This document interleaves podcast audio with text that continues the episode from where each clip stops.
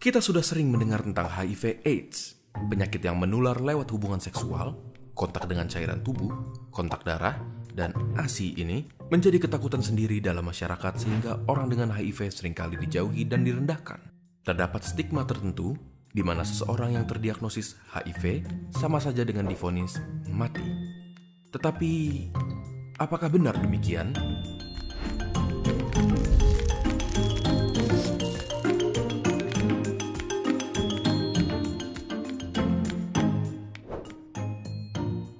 HIV bekerja dengan melemahkan sistem kekebalan tubuh. Virus ini bekerja perlahan dan sulit untuk mendeteksi gejala awalnya, dan hanya dapat diketahui dengan tes laboratorium pada tahap awalnya.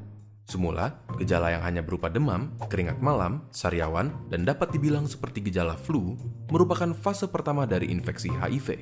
Pada fase kedua, virus berkembang biak secara perlahan tanpa memberikan gejala sama sekali. Rata-rata infeksi HIV berkembang menjadi AIDS, Acquired Immunodeficiency Syndrome, yaitu fase ketiga di mana kekebalan tubuh sangatlah lemah sehingga kuman yang ada di sekitar kita dapat dengan mudah masuk ke tubuh tanpa perlawanan yang berarti.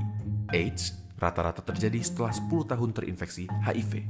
Lalu, apa yang bisa kita lakukan untuk mengatasinya? Obat antiretroviral sebagai pengobatan HIV tidak menyembuhkan penderita, namun mencegah pertumbuhan virus dalam tubuh. Dengan terkontrolnya jumlah virus, maka sistem kekebalan tubuh akan terlindungi dan menghindari perkembangan HIV menjadi AIDS. Sejak adanya obat ini, harapan hidup penderita HIV dapat menjadi sama dengan orang normal jika mereka terdiagnosis tepat waktu serta mengikuti pengobatan dan kontrol yang teratur. Salah satu contoh pasien HIV yang terkenal adalah Magic Johnson, pemain basket asal Amerika Serikat. Dia mengaku terjangkit HIV pada tahun 1991. 27 tahun berlalu sampai sekarang, ia masih giat menjadi aktivis HIV dan apakah kalian tahu? Dia tidak mempunyai keluhan medis.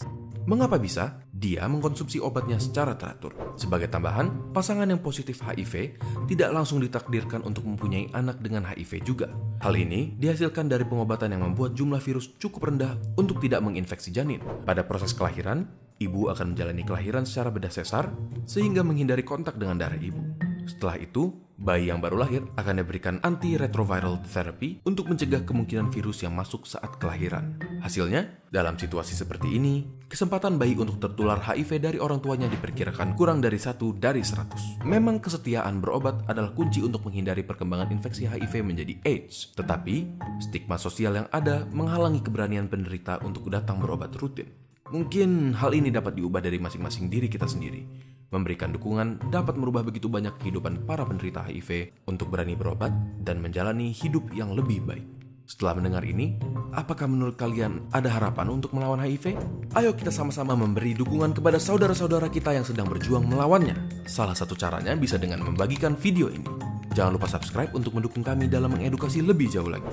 Jika ada topik yang kalian ingin kami bahas, kalian bisa tulis di kolom komentar untuk kami lihat. Terima kasih dan sampai ketemu di video berikutnya.